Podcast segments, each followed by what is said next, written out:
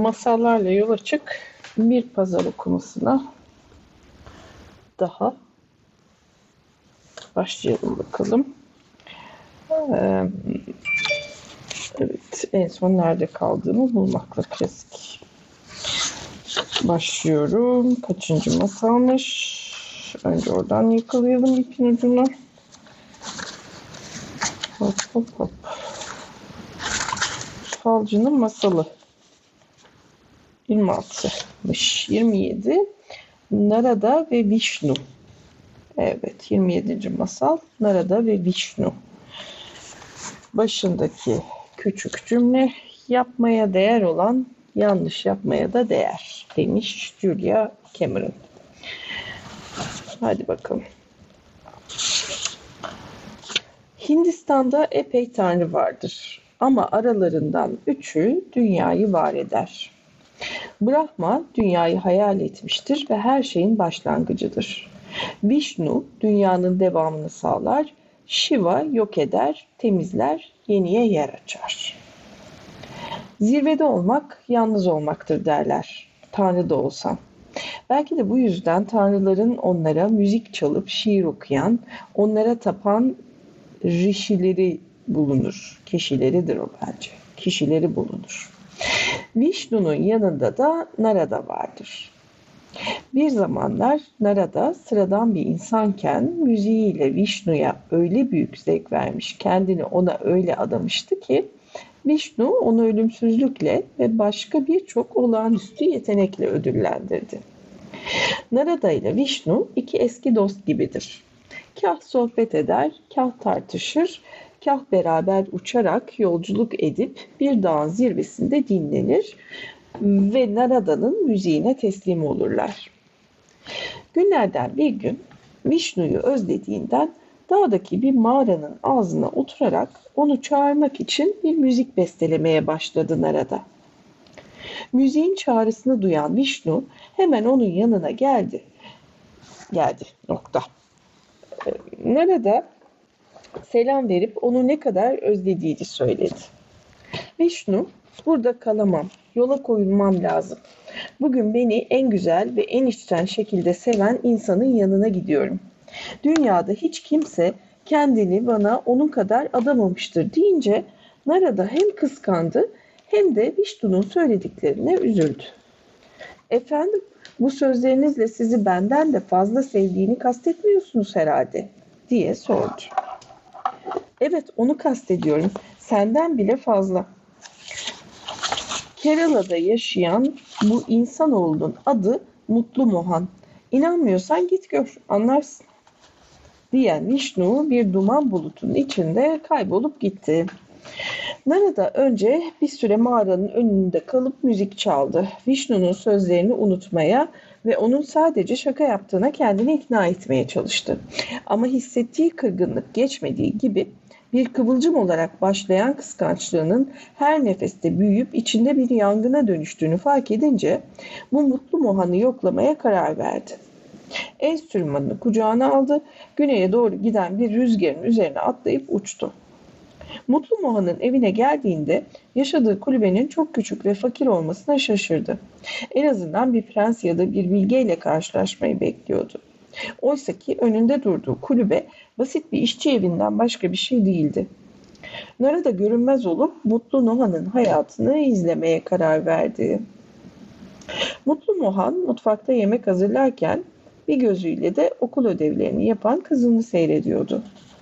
Yemek hazır olunca iki muz yaprağını masaya örtüp üzerine pirinç, samba sosu ve tatlı acı bir Hint turşusu koydu. Kızının gününü sorup onunla ilgilendi. Yemek bitince evi süpürdü. Masada kalan yaprakları komşunun ineğine yedirip kızını yatırdı ve uyutmak için ona şarkı söyledi. Kızı uyuduktan sonra tek odalı evin bir köşesine kurduğu minik tapınakta bir tütsü yakıp dua etmeye başladı. İki dakika geçmeden kalktı ve yattı. Sabah uyanınca kızını okul için hazırlayıp çalıştığı kiremit atölyesine gitti. Ve bütün gün yük taşıdı. Bunu seyreden Narada afalladı. Kendini Vishnu'ya en çok adayan kişi bu olamazdı. Vishnu şaka yapıyor olmalıydı. Ama yine de bir şey kaçırmadığından emin olmak için o akşam Mutlu Moha'nın zihnine ve kalbine girmeye karar verdi. Belki orada gözünün görmediği bir şeyler olabilirdi. Akşam yine işleri bitirip tek başına yetiştirdiği kızını yatırdıktan sonra Mutlu Mohan tapınağının önünde eğildi. Ve o an Narada dün fark edemediği bir şey gördü. Dua ederken Mutlu Mohan zihnini ve kalbini öylesine Vishnu'ya açmıştı ki Vishnu onun kalbinde var olmuştu. O iki dakika eksiksiz saf sevgiden ibaretti. O anda Mutlu Mohan'ın özü öylesine saftı ki onu hisseden Narada'nın gözlerinden iki damla yaş süzüldü. Bir rüzgar üstünde dağın başına geri uçtu ve mağaranın önünde oturup yine müziğiyle Vishnu'yu çağırdı. Vishnu geldiğinde onu gülen gözlerle inceledi. E tanıştın mı Mutlu Mohan'la? Bana adanmışlığını gördün mü? Aman da aman diye cevap verdin arada. Gördüm tabii. Ne biçim bir adammışlık bu? İki dakika süren adammışlık mı olur? Olur tabii. Zaman bir yanılsamadır. Derinliğe bakarım, güzelliğe bakarım, öze bakarım ben süreye değil. Mutlu Bohan beni çağırdığında bütün benliğini armağan ediyor bana. Peki ben sana sonsuzluğumu veriyorum. Ama madem istediğim bu değil, ben de bütün benliğimi veririm. İspatlamaya hazırım. Test et beni Vişnu. Fırsat ver bana ki göstereyim sana adanmışlığımın derinliğini. Peki Narada, annesine ağlayan bir çocuğa benziyorsun. Ama sevgin bana dokunuyor. Deneyelim bakalım. Yarın Bombay'ın merkezinde pazar kurulacak. Hindistan'ın en kalabalık pazarıdır. Sen görünmez olup bu kandili kafanda dengede tutup kalabalık pazarda bütün gün yürüyeceksin. Vishnu Narada'ya ağzına kadar yağ ile dolu bir tas uzattı. İçinde ince bir fitil yüzüyordu. Büyü yapmak yok, uçmak yok. Normal bir insan gibi adım adım yürüyeceksin ve bu yanan kandil de kafanın üzerinde dengede duracak. Bütün gün arkanda ölümün kılıcı seni takip edecek. Bir yağ damlası dökersen ya da mumu söndürürsen o an kılıç seni vuracak ve sonsuz ışığın sönecek. Bunu yaparsan o zaman belki kendini Mutlu Muhan'la kıyaslayabilirsin. Nara da sadece omzunu sikti. Ben sana olan sevgimi ispatlamak için bundan çok daha fazlasını yaptım. Ama yine de istediğim buysa tabii yaparım. Sabahın ilk ışıklarıyla Narada Bombay'ın büyük pazarında uyandı. Başının üstünde yanan kandille yürümeye başladı. Uçmadan, büyü kullanmadan böyle yürümeyeli yüzyıllar olmuştu. Narada önce alışmakta zorlandı. Ayrıca pazar öylesine kalabalıktı ki canlı tavuk taşıyanlar mı istersin? Sırtında dört çuvalı dengeleyen adamlar mı? Yoksa ince ipek şalları silkeleyip düzenleyen genç kadınlar mı? Hiç kimse onu görmediği için herkese dikkat etmesi gerekiyordu. Hem de ağzına kadar yağ ile dolu kandili kafasında dengede tutarak. Zannettiğinden zordu. Bir de ayrıca ensesinde her an bu mutlu yaşamını söndürebilecek ölümün kılıcını hissediyordu. Egosunu tatmin etmek için ölümsüzlüğü riske atmaya değer miydi? Naran da korkmaya başladı, hatta titremeye. Ama sonra toparlandı. Odaklanarak bunu başarabilirdi. Bütün dikkatini etrafında hareket eden insanlara, kandile ve adımlarına verdi. Ve adım adım ilerlemeye başladı. Sakin adımlarla Gözleri sürekli etrafındaki insanları yoklayarak ilerledi. Akşama kadar.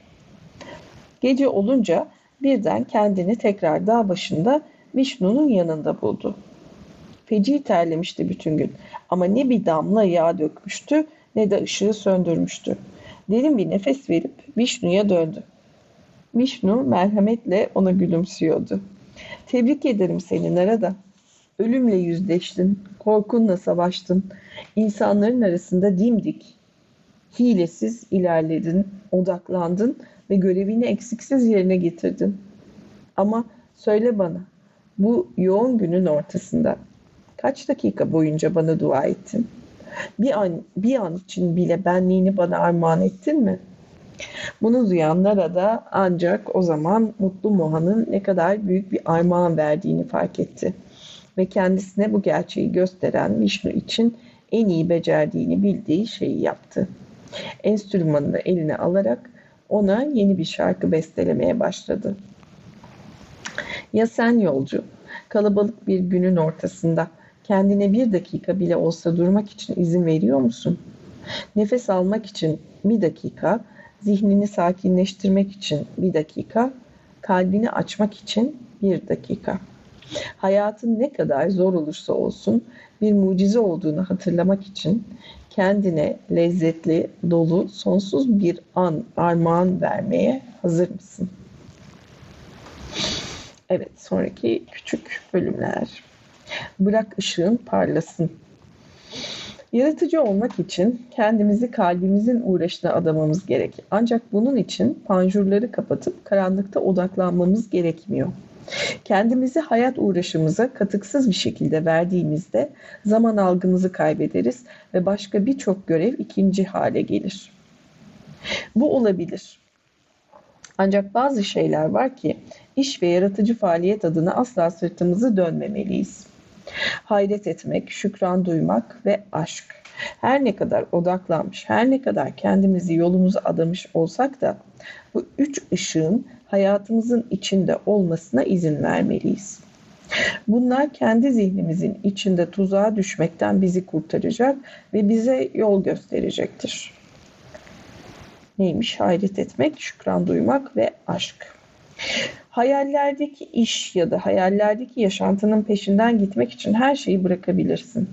Ancak oraya gitmek için bu ışıkları söndürürsen ulaştığın yeni yaşamın vazgeçtiğin eski yaşantı kadar eksik olduğunu görürsün.